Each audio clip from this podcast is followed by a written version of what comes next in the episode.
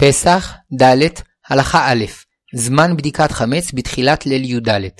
כפי שלמדנו בפרק הקודם, אדם שנמצא ברשותו חמץ בפסח, עובר עליו בשני איסורים, ולא ייראה לך חמץ, ולא יימצא. כדי שלא לעבור על איסורי תורה, צריך אדם לבאר מביתו את החמץ. ואף שמן התורה אפשר לבאר את החמץ על ידי ביטולו בפה, שאחר שביטל אדם את החמץ שברשותו, החמץ נחשב לגביו כעפר וכחמץ שאינו שלו, וממילא הוא אינו עובר עליו באיסור בל יראה ובל יימצא. למרות זאת, תקנו חכמים שלא להסתפק בביטול החמץ, אלא הצריכו גם לבערו מן הבית. שתי סיבות לכך. האחת, שמא יהיו אנשים שיבטלו את החמץ מן השפה ולחוץ, ובתוך ליבם ירצו ליהנות מן החמץ אחר הפסח, וכיוון שלא ביטלו בלב שלם, יעברו עליו באיסור בל יראה ובל יימצא. השנייה, שמא אחר שיבטל אדם את חמצו, יראה בתוך ביתו עוגה נאה, וישכח שהיום פסח, ויבוא לאוכלה. לפיכך תקנו שבנוסף לביטול החמץ, יערכו בדיקת חמץ, כדי לבער את כל החמץ מן הבית. לכאורה, הזמן המתאים לבדיקת חמץ הוא ביום י"ד בניסן, לקראת חצות היום, שאז הוא הזמן שצריך לבער בו את החמץ. אולם תקנו חכמים לבדוק בתחילת ליל י"ד, משום שביום בני האדם טרודים בעסקיהם, ואם ידחו את הבדיקה ליום י"ד, יש חשש שישכחו לבדוק את החמץ. ועוד, שכדי לבדוק היטב בחורי הבית וסדקיו, טוב להשתמש באור הנר שהוא יפה לבדיקה, וביום אין הנר מאיר היטב, שמחמת אור השמש אין העין מתרכזת באורו החלש של הנר. לפיכך, תקנו חכמים לבדוק את החמץ בתחילת ליל י"ד, שבלילה אנשים רגילים להיות בבתיהם, ואור הנר יפה אז לבדיקה. אלא שבדרך כלל, בתחילת הלילה, אנשים רגילים להתפלל ערבית, על כן מתפללים תחילה ערבית, שהיא מצווה תדירה וראוי להקדימה, ואחר כך מזדרזים לבדוק חמץ. ומי שרגיל להתפלל במניין בשעה מאוחרת יותר, יבדוק חמץ בצאת הכוכבים, ויתפלל בשעה שהוא רגיל להתפלל. חובת הבדיקה מוטלת על אבי הבית, ואם קשה לו לבדוק מפני חולשתו או מפני שאינו רואה טוב, ימנה את אשתו או אחד מבני ביתו הגדולים שיבדקו חמץ במקומו. ואין הבדל במצווה זו בין איש לאישה, אלא יש לבחור את מי שניתן לסמוך עליו שיבדוק באחריות כדין. כאשר בעל הבית מסוגל לבדוק כראוי, אלא שהוא נאלץ באותו יום לחזור לביתו בשעה מאוחרת, ימנה מחליף שיבדוק במקומו בשעה הקבועה בתחילת הלילה. בדיעבד, אם אין מי שיבדוק במקומו בזמן, יבדוק בעצמו כשיחזור לביתו. פסח, ד', הלכה ב', דברים שאסרו חכמים קודם הבדיקה. כדי שלא יהיה דבר שאולי ישכיח את חובת בדיקת החמץ, תקנו חכמים שלא להתחיל במלאכה או בסעודה חצי שעה לפני תחילת זמן בדיקת חמץ, שמא ייגרר במלאכתו או בסעודתו, וישכח לבדוק חמץ. אבל מותר לאכול בדרך, בדרך ארעי, פירות או עוגות, וכן מותר לעשות מלאכות קלות שאורכות זמן קצר. משהגיע זמן בדיקת חמץ, אין ראוי לעשות שום מלאכה, ולא לאכול פירות אפילו דרך ארעי, כדי להזדרז לקיים מצוות בדיקת חמץ בזמנה. אין להתחיל ללמוד תורה בשעה שהגיע זמן בדיקת חמץ, ואם התחיל ללמוד לפני כן, יש מורים שיכול להמשיך ללמוד. אולם לדעת הרבה פוסקים, גם במקרה זה מוטב להפסיק את הלימוד בצאת הכוכבים, כדי לקיים את מצוות בדיקת החמץ בזמנה. שיעור קבוע לרבים, מוטב שלא לבטל, שכן קיום השיעור לא יגרום לביטולה של מצוות הבדיקה, שגם לאחר השיעור אפשר לבדוק חמץ, אבל אם יבטלו את השיעור, יפסידו לימוד תורה של רבים. וטוב שבסוף הלימוד יזכירו זה לזה להזדרז לבדוק חמץ. פסח, ד', הלכה ג', הברכה. לפני הבדיקה מברכים ברוך אתה השם אלוקינו מלך העולם, אשר קידשנו במצוותיו, וציוונו על ביעור חמץ. ואף שביעור החמץ בפועל יתבצע רק למחרת, בשרפה ובביטול, מברכים לפני הבדיקה בליל י"ד על ביעור חמץ, מפני שבבדיקה אנו מתחילים את תהליך ביעור החמץ מהבית. אין לדבר בין הברכה לתחילת הבדיקה, ואם הפסיק ודיבר בעניין אחר שאינו שייך לבדיקת החמץ, הפסיד את הברכה, וצריך לחזור ולברך לפני שיבדוק. ואם כבר התחיל לבדוק ודיבר בעניינים אחרים, לא הפסיד את הברכה, מפני שהיא כבר חלה על מה שהספיק לבדוק. לכתחילה, אין לדבר במשך הבדיקה בעניינים אחרים, כדי שהבודק יתרכז בבדיקה. אדם שבבעלותו כמה בתים, צריך לבדוק את כולם, ויברך לפני הבדיקה במקום הראשון, ואף אם הם מרוחקים זה מזה, לא יברך אלא פעם אחת. מי שנצרך לנסוע מביתו ובדק באחד הלילות שלפני י"ד בניסן, אף שבדיקתו כשרה, לא יברך עליה, שרק על בדיקה המתבצעת בליל י"ד או אחר כך, מברכים, מפני שהיא בדיקה הסמוכה לביאור, שכל חמץ שיימצא בליל י"ד יבאר למחר. וכן מי שלא יכול לבדוק בליל י"ד ובדק ביום י"ד או בתוך הפסח, יברך, מפני שכל חמץ שימצא מיד יבער, ועל בדיקה כזו שייך לברך על ביעור חמץ. פסח, ד', הלכה ד', מקומות החייבים בבדיקה. כל המקומות שנמצאים ברשותו של יהודי ויש חשש שנמצא בהם כזית חמץ, חייבים בבדיקה. לפיכך, המטבח והסלון שאוכלים בהם חייבים בבדיקה, וכן כל חדר, מחסן ומרפסת שנכנסים לתוכם לפעמים עם חמץ, חייבים בבדיקה. ארונות בגדים שאין רגילים להשתמש בהם בשעת הסעודה, אינם טעונים בדיקה. אבל אם יש בבית ילדים קטנים, אזי גם ארונות הבגדים צריכים בדיקה, משום שיש חשש שמא שיחקו בארונות כשחמץ בידם, ואולי אף החביאו בהם מאכלי חמץ.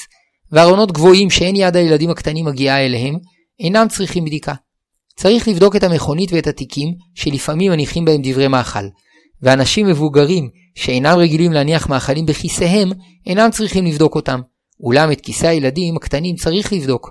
בגדים שקובסו לפני פסח ולפני הכביסה רוקנו את כיסיהם, אינם צריכים בדיקה בליל י"ד.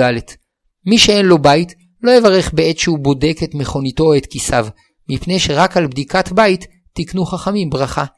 חדר מדרגות של בית משותף, הרי הוא ברשותם של כל הדיירים, ועל כולם החובה לבודקו, וימנו אחד מהם שיבדוק.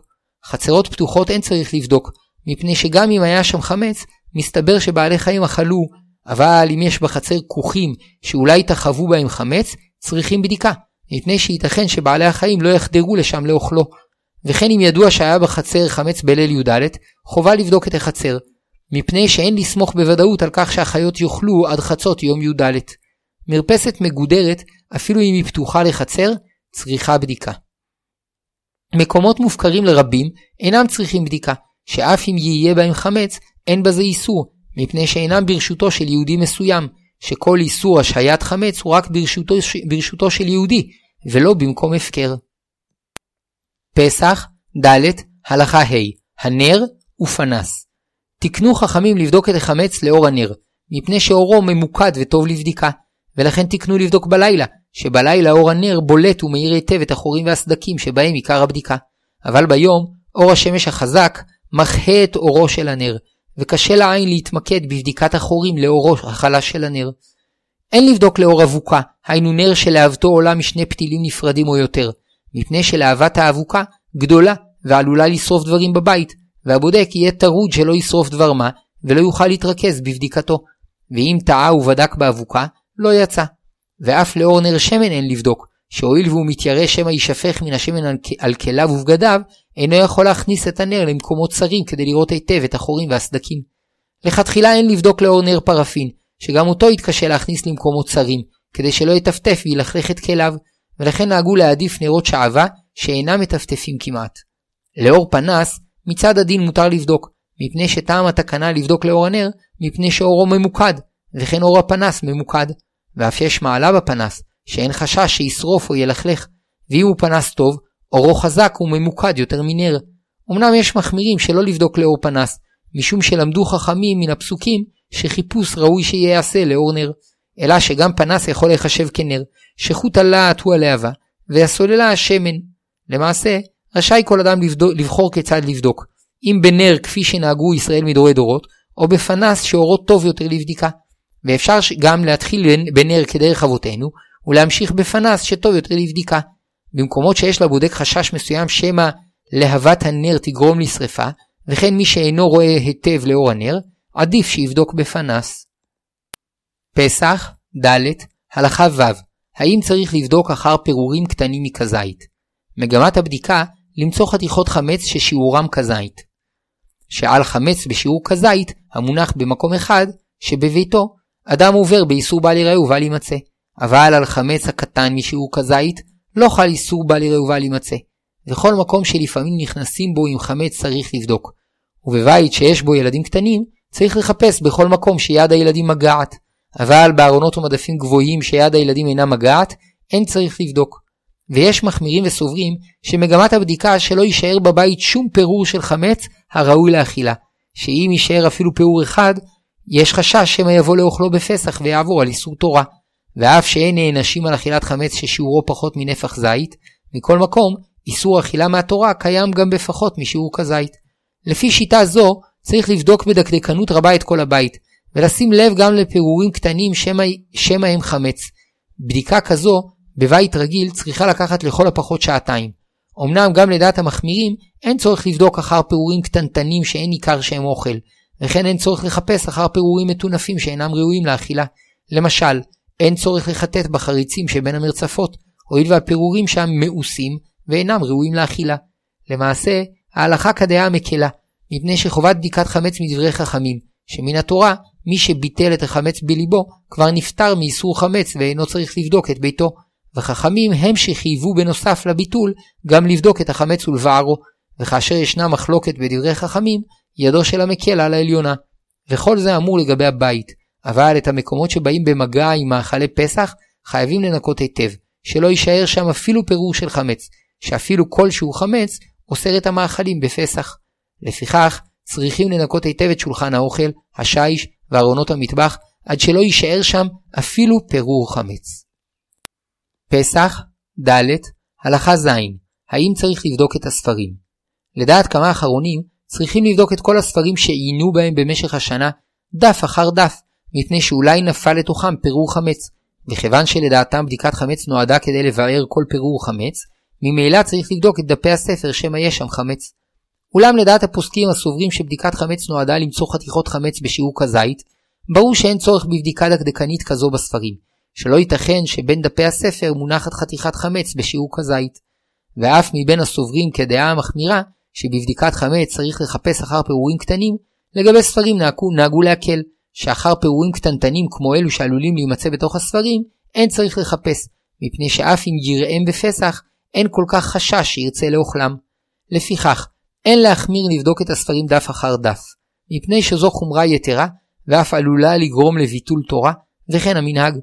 אלא שצריך להיזהר שלא להעלות על שולחן האוכל בפסח את הספרים שלא נזהרו בהם במשך השנה מחמץ, שמא יש בהם פירור חמץ שעלול ליפול בפסח ולהתערב באוכל, וחמץ בפסח אינו בטל, אבל ללמוד בהם על שולחן אחר מותר, ואם יניחם על שולחן האוכל שלא בשעת הארוחה, ייזהר לנקות אחר כך היטב את השולחן שלא יישאר עליו שום פירור. ומי שנזהר כל השנה לשמור את ספריו מחמץ, וכשהוא מקרב את ספריו לשולחן האוכל, הוא נזהר שלא ייפלו בהם פירורי חמץ, אף לדעה המחמירה, אינו צריך לבדוק לתוך הספרים, שהם נחשבים בדוקים מחמץ. דין ארון הספרים עצמו תלוי בבני הבית. אם אין שם ילדים והמבוגרים רגילים להקפיד שלא להניח בארון דבר מאכל, אין צריך בדיקה. ואם יש שם ילדים שאולי החביאו בארון דבר מאכל, צריך לבדוק בין הספרים ואחריהם, ואם ניקו את הארון היטב לקראת פסח, די לבודקו בבדיקה קלה. פסח, ד', הלכה ח' האם סומכים על הניקוי שלפני פסח? ברוב בתי ישראל נוהגים לנקות היטב את הבית לקראת פסח, וכל מקום שניקו היטב ונזהרו שלא להכניס בו אחר כך חמץ, אינו צריך בדיקה מדוקדקת. ואומנם יש שהחמירו בזה, ולדעתם הניקוי אינו משנה דבר, שכן חכמים תקנו לבדוק בליל י"ד את כל הבית בחורים ובסדקים. ויש שהחמירו בזה מפני שלדעתם אין לסמוך על הניקוי, הואיל ולא נעשה לאור הנר בלילה, שרק בדרך זו אפשר להבחין בחמץ שבחורים ובסדקים. אבל למעשה המנהג להקל, ולעבור במהירות יחסית על כל המקומות שנוקו היטב לפסח. וכן מסתבר, מפני שאחר שניקו חדר כראוי ונזהרו שלא להכניס בו יותר חמץ, הוא נחשב כמקום שאין מכניסים בו חמץ, ומן הדין אין צריך לבודקו. ואף שבדיקה שאינה לאור הנר אינה מועילה, ניקוי יסודי מועיל יותר מבדיקה. למשל, כשמנקים ארון, הרי מוציאים את כל תכולתו, ומנגבים את כל מדפיו, ואחר כך מסתבר שלא נשאר בו אפילו פירור חמץ קטן, והסיכוי שנשאר בו חמץ נמוך מהסיכוי למצוא חמץ אחר בדיקה מדוקדקת בליל י"ד לאור נר. מכל מקום, למרות שניקו את הבית היטב, חובה לבדוק חמץ בברכה בליל י"ד, מפני שבסביבות המקום שאכלו בו בוודאי צריך לבדוק. בנוסף לכך, ישנו חשש שמא שכחו לנקות את אחד הארונות או המגירות או הפינות, ולכן חייבים בבדיקת חמץ לעבור על כל הבית ולוודא שאכן כל המקומות נוקו היטב. ואם זה שבודק לא ישתתף בעצמו בניקוי, יבקש מאלו שניקוי שיעמדו לידו בבדיקה, ועל כל מקום ומקום ישאלם אם נוקה כראוי, או שיסמנו במדבקה את כל המקומות שנוקו היטב, ועל כל אותם המקומות יעבור בבדיקה קלה. אמנם, גם בבדיקה קלה צריך להתבונן בכל פינות החדר ולאורך הקירות ובבין הרהיטים, ולפתוח כל ארון ומגירה שייתכן שהכניסו לתוכה חמץ במשך השנה, כדי לראות אם אכן נוקו ונשארו נקיים. בדיקת חדר באופן זה אורכת דקות אחדות. פסח, ד. הלכה ט.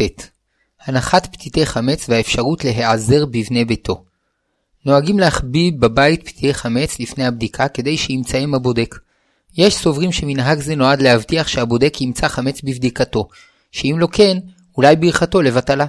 אבל האמת אינה כן, שאפילו אם לא ימצא כלום, אין ברכת, ברכתו לבטלה, מפני שמטרת הבדיקה לוודא שאין בבית חמץ, ובכל מקרה שהבדיקה בוצעה, מטרה זו הושגה.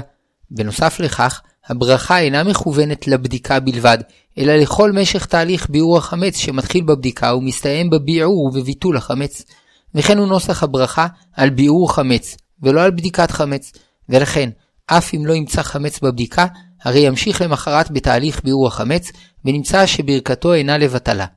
אבל אין לבטל מנהג ישראל זה, וגם הארי נהג להניח עשרה פתיתים, ויש שכתבו שטעם המנהג כדי שיישאר לו אחר כך חמץ מאותם הפתיתים, ועל ידי כך לא ישכח לבטל את החמץ. ויש שביארו כי בזכות אותם הפתיתים לא יתרשל בבדיקתו. לפיכך, במקום שניקו את הבית היטב, ומצד הדין מספיק לבודקו בלא דקדוק, יש להניח את הפתיתים במקומות שהבודק ימצאם בקלות, ובמקומות שלא ניקו היטב, יחפיאום יותר. ובכל אופן, טוב שמניח הפתיתים ירשום לעצמו היכן יטמינם, כדי שאם הבודק לא ימצאם, יוכלו להוציאם ולבערם. אחר הבדיקה, יבטל את החמץ שלא נמצא ואולי נותר בבית. את החמץ שנמצא בבדיקה, ואת החמץ שמתכוונים לאכול עד למחרת, ישמרו היטב, כדי שלא יתפזר שוב בבית. מי שקשה לו לבדוק את כל ביתו, יכול לבקש מבני ביתו לסייע לו בבדיקה, ויעמדו לידו בעת הברכה ויענו אמן, ואחר כך יתפזרו בבית לבודקו, ואם בעל הבית אינו יכול לבדוק, יבקש מאחר שיבדוק במקומו, והבודק יברך. פסח, ד', הלכה י', היוצא למדינת הים. אדם הנוסע לחוץ לארץ לפני הפסח, ובתוכניתו לחזור לביתו אחר חג הפסח, אם הוא עוזב את ביתו בתוך 30 יום הסמוכים לחג הפסח, היינו מחג הפורים ואילך, חייב לבדוק את ביתו מחמץ קודם שיצא מביתו. ואף שבוודאי לפני פסח יבטל את חמצו, כבר למדנו שתיקנו חכמים שבנוסף לביטול החמץ, צריך גם לבדוק את הבית מחמץ. וכיוון שהוא בתוך 30 יום הסמוכים לפסח, כבר חלה עליו מצוות בדיקת חמץ, וצריך לבדוק את חמצו לאור הנר בלילה האחרון לשהייתו בביתו, ולא יברך על בדיקה זו, מפני שהיא לפני הזמן שתיקנו חכמים לבדוק. אבל אם הוא נוסע לפני 30 יום, כלומר לפני חג הפורים, אינו צריך לבדוק את החמץ לפני נסיעתו, ובערב פסח יבטל את כל החמץ שברשותו, ובזה יינצל מאיסור חמץ. וכשיחזור לביתו אחר הפסח, אם ימצא בביתו חמץ חשוב, יבער אותו מהעולם. ואם יצא לחוץ לארץ, ובכוונתו לחזור לביתו קודם הפסח, תקנו חכמים שאפילו אם הוא יוצא מביתו בתחילת השנה, חייב לבדוק את ביתו קודם צאתו, שמא תארה תקלה בדרכו, ולא יספיק לחזור לבדיקת חמץ. ואם ימנה שליח שיבדוק עבורו בליל י"ד במקרה שלא יספיק לחזור, אינו חייב לבדוק קודם צאתו. כיום שיש אפשרות להתקשר מכל מקום בעולם בטלפון, כל מי שיש לו חברים או קרובים שיוכל להתקשר עליהם ולבקשם שיבדקו עבורו את ביתו, אינו צריך לבדוק את ביתו קודם צאתו לדרכו. שאף אם לא יספיק לחזור קודם זמן בדיקת חמץ, הרי יוכל לבקש מאחד מהם שיבדוק עבורו. מי שהיה צריך לבדוק את ביתו ושכח ונסע בלא לבדוק, נחלקו הפוסקים אם חייב לחזור, וכשיש קושי רב לחזור וגם אינו מוצא שליח שיבדוק במקומו, יכול להסתפק בביטול חמץ. ואחר הפסח ישרוף או יאבד את החמץ שביטל, שאם לאחר הפסח ייהנה ממנו, יראה בעצמו שהביטול היה מהשפה ולחוץ. וכן הדין בכל מי שביטל את חמצו ולא ביערו, שאחר הפסח אסרו חכמים באכילה והנאה. והטוב ביותר, שמי שנסע ושכח לבדוק, ישכיר את ביתו לגוי, וימכור לו את כל החמץ שבו. פסח, ד', הלכה י"א, עם השכרת כל הבית לגוי, פוטרתו מבדיקה. יש משפחות שנוסעות מביתם לכל ימי הפסח, וברצונם להיפטר מניקוי הבית ובדיקת חמץ. והשאלה, האם על ידי שימכרו את כל הבית או ישכירו לנוכרי, ייפטרו מבדיקת חמץ. נחלקו בזה הפוסקים. יש מקלים, שהואיל ובפועל הבית אינו ברשותו בערב פסח, שכן הוא נמכר או הושכר לגוי, אינו חייב לבודקו. ורבים מחמירים, שהואיל והתגורר בבית הזה בתוך 30 הימים שלפני הפסח, כבר חלה עליו חובת בדיקת חמץ, ורק אם יעבור לבית אחר שבו הוא יתחייב בבדיקת חמץ, יהיה פטור מלבדוק את הבית שמכר או השכיר לגוי. בנוסף לכך, אין ראוי לאדם להשתמט מלקיים את מצוות בדיקת חמץ. למעשה, כדי לצאת ידי כולם, יש למכור או להשכיר את כל הבית חוץ מחדר אחד, ובו יקיימו את מצוות בדיקת חמץ, וכיוון שכבר יקיימו בו את מצוות בדיקת חמץ, לכל הדעות אין צריך לבדוק את החדרים שנמכרו או הושכרו לגוי. בארץ ישראל אסור למכור בית לנוכרי, ועל כן צריך לציין בשטר מכירת החמץ שמדובר בהשכרה, ובנוסף לכך, יש למכור את החמץ שנמצא בכל החדרים המושכרים, ובזה ייפטרו מלבדוק את אותם החדרים. כשאפשר, טוב לבצע את השכרת הבית לפני ליל י"ד, מפני שיש סוברים שאם בליל י"ד עדיין יהיו החדרים ברשותו, יתחייב לבודקם. כאשר קשה למצוא דרך להשכיר את הבית לפני ליל י"ד, כי רוב הרבנויות מבצעות את המכירה וההשכרה בבוקר יום י"ד, אפשר לסמוך על המקילים, שהואיל והוא מתכוון להשכיר את אותם החדרים, אין יותר חשש שיעבור בהם על איסור בל יראה ובל יימצא, וממילא אין צריך לבודקם. לגבי כלי האוכל והתנור, יש לנקותם לפני פסח מכל ממשות חמץ, שאם לא כן, אחר הפסח יהיה צורך לנקותם כדי שלא לאכול חמץ שעבר עליו הפסח, ולמכור את הכלים לגוי לא כדאי, משום שאחרי הפסח יצטרכו לטובלם במקווה, כדין כלים שנקנו מגוי. ולמכור את החמץ שעליהם ושבלוע בהם הוא דבר תמוה. פסח, ד', הלכה י"ב, בדיקת חמץ אחר זמנה, ודין השוכר חדר במלון. תקנו חכמים לבדוק חמץ בליל י"ד בניסן, אך מי שלא בדק בליל י"ד, יבדוק ביום י"ד בברכה, ואם לא בדק לפני הפסח, יבדוק בפסח בברכה, ואף אם ביטל את החמץ לפני הפסח, יבדוק בפסח, כדי לקיים את תקנת חכמים, וכדי שלא יראה פתאום חמץ בפסח, וישכח את האיסור ויאכלנו. ועל כל הבדיקות הללו יברך. ואם עבר הפסח ונזכר שלא בדק חמץ, יבדוק, כדי שלא להיכשל בחמץ שעבר עליו הפסח, שאסור מדברי חכמים, אבל על הבדיקה זו לא יברך. השוכר חדר במלון, כיוון שהתחייב בתשלום והחדר הועמד לרשותו ונתנו לו מפתח לפותחו ולנועלו, ורק בהסכמתו מותר לזרים או לעובדי המלון להיכנס לחדרו, דינו כשוכר בית, ולכן מצווה עליו לבדוק את חדרו בליל י"ד בניסן בברכה. ואחר הבדיקה, יבטל את כל החמץ, שאולי נשאר ברשותו ולא הצליח למוצאו בבדיקה. ואם הגיע למלון באמצע הפסח, ישאל אם בדקו את החדרים מחמץ, ואם רק ניקו אותם כדרך שמנקים תמיד בלא לבודקה מחמץ, או שבדקו אותם אבל אחר כך התארח שם גוי, יבדוק בעצמו בברכה. חולה המאושפז בבית חולים יבדוק בליל י"ד את חדרו וארונו, אבל לא יברך על הבדיקה, משום שהחדר אינו עומד לרשותו, ובכל עת יכולים להעבירו לחדר אחר, או להכניס לשם חולים נוספים. בעל בית מלון צריך לבדוק את החמץ בכל חדרי המלון, ואם קשה לו לבדוק בעצמו, יכול לשכור שליח. ולגבי אותם החדרים המושכרים לגוי או ליהודי שאינו בודק בליל י"ד, מתעוררת בעיה. מצד אחד הרי הזכיר להם את החדר ואין ביכולתו להכריחם לבדוק חמץ כהלכה, ומאידך, אם יצאו באמצע החג, יצטרך לבדוק מיד את חדרם ולבאר את החמץ שהשאירו, ואולי לא יהיה לו פנאי לזה באותה השעה. והעצה לכך שימכור או ישכיר לפני פסח את כל חדרי המלון לגוי, והוא ישמש באותם הימים כמתווך בין הגוי שקנה את המלון לשוכרי החדרים. פסח, ד', הלכה י"ג, בית כנסת, פנימיות וישיבות. בתי כנסת ובתי מדרש צריכים בדיקה בליל י"ד, מפני שלפעמים אוכלים בהם חמץ, ואף בבתי כנסת שאין רגילים לאכול, לפעמים נכנסים ילדים קטנים עם מאכלי חמץ. אמנם לעניין הברכה ישנו ספק אם צריך לברך, לכן מותר, מוטב שהבודק את בית הכנסת יבדוק תחילה את ביתו, ויברך שם על הבדיקה, ויכוון גם על בדיקת בית הכנסת. בחורים ובחורות שמתגוררים בפנימיות ומשלמים עבור כך, דינם כשוכרים, ואם יישאר בחדרם חמץ בשיעור כזית, יעברו עליו בבל יראה ובל יימצא, ולכן חובה עליהם לבדוק את חדריהם לפני הפסח. אם הם נשארים שם גם בפסח, יבדקו בליל י"ד בברכה, ואם הם יוצאים מהפנימייה מספר ימים קודם לפסח, יבדקו בלילה האחרון לפני צאתם בלא ברכה. את שאר החדרים והאולמות שבישיבה, צריכים מנהלי הישיבה לדאוג שיבדקו לקראת פסח. מי שקנה או שכר בית לפני פסח, אף שעדיין לא נכנס לגור בו, חייב לבודקו, שמא נותרו שם מאכלי חמץ, וכיוון שהבית ברשותו, יעבור עליהם בבל יראה ובל יימצא. ואם יש לו בית אחר שבו הוא מקיים את מצוות הבדיקה, יכול למכור או להשכיר את הבית החדש לגוי, וייפטר מחובת הבדיקה. פסח, ד', הלכה י"ד, חמץ תחת מפולת, ואם צריך לבדוק מחסן. חמץ שנפלו עליו אבנים או אדמה, אם הוא קבור תחת פחות משלושה טפחים, כ-24 סנטימטרים, כיוון שכלב יכול להריחו ולחטט אחריו ולהוציאו, אין הוא נחשב מבואר, וצריכים להוציאו לפני פסח ולבערו. ואם החמץ נתכסה ביותר משלושה טפחים, הרי הוא מבואר ואין עוברים עליו באיסור בל יראה ובל יימצא. ואין צריכים להוציאו ולבערו, אבל צריכים לבטלו, שמא במשך הפסח יפנו מעט מהאבנים, והחמץ כבר לא יהיה מכוסה בשלושה טפחים, ויעברו עליו באיסור בל יראה ובל יימצא. וכן דין חמץ שנפל לתוך בור שבחצרו, אם אין רגילים לרד לתוכו, יבטל את החמץ שנפל שם, ואינו צריך להעלותו ולבערו. לפי זה, כאשר חמץ תקוע אחרי ארון קיר, באופן שאי אפשר להוציאו משם בלא לפרק את הארון או לרוקנו ולהזיזו, אין צריך להוציא את החמץ משם, אלא אפשר להסתפק בביטולו.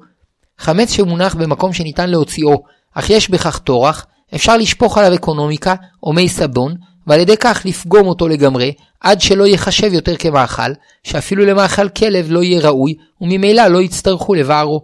מחסן שמשליכים בו דברים שאינם שימושיים, או שממלאים אותו בסחורות שונות, ואין מתכוונים לפנותו עד אחר פסח, אין צריך לבדוק אם מונח חמץ תחת חפציו או סחורתו, אלא די לבטל את החמץ שאולי נמצא שם.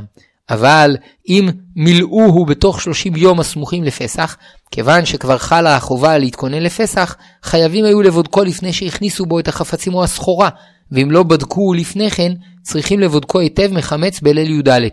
ואם קשה להזיז את כל החפצים או הסחורה שבו כדי לבודקו, אפשר למכור או להשכיר את המחסן לגוי, ולהיפטר בזה מהחובה לערוך בו בדיקת חמץ.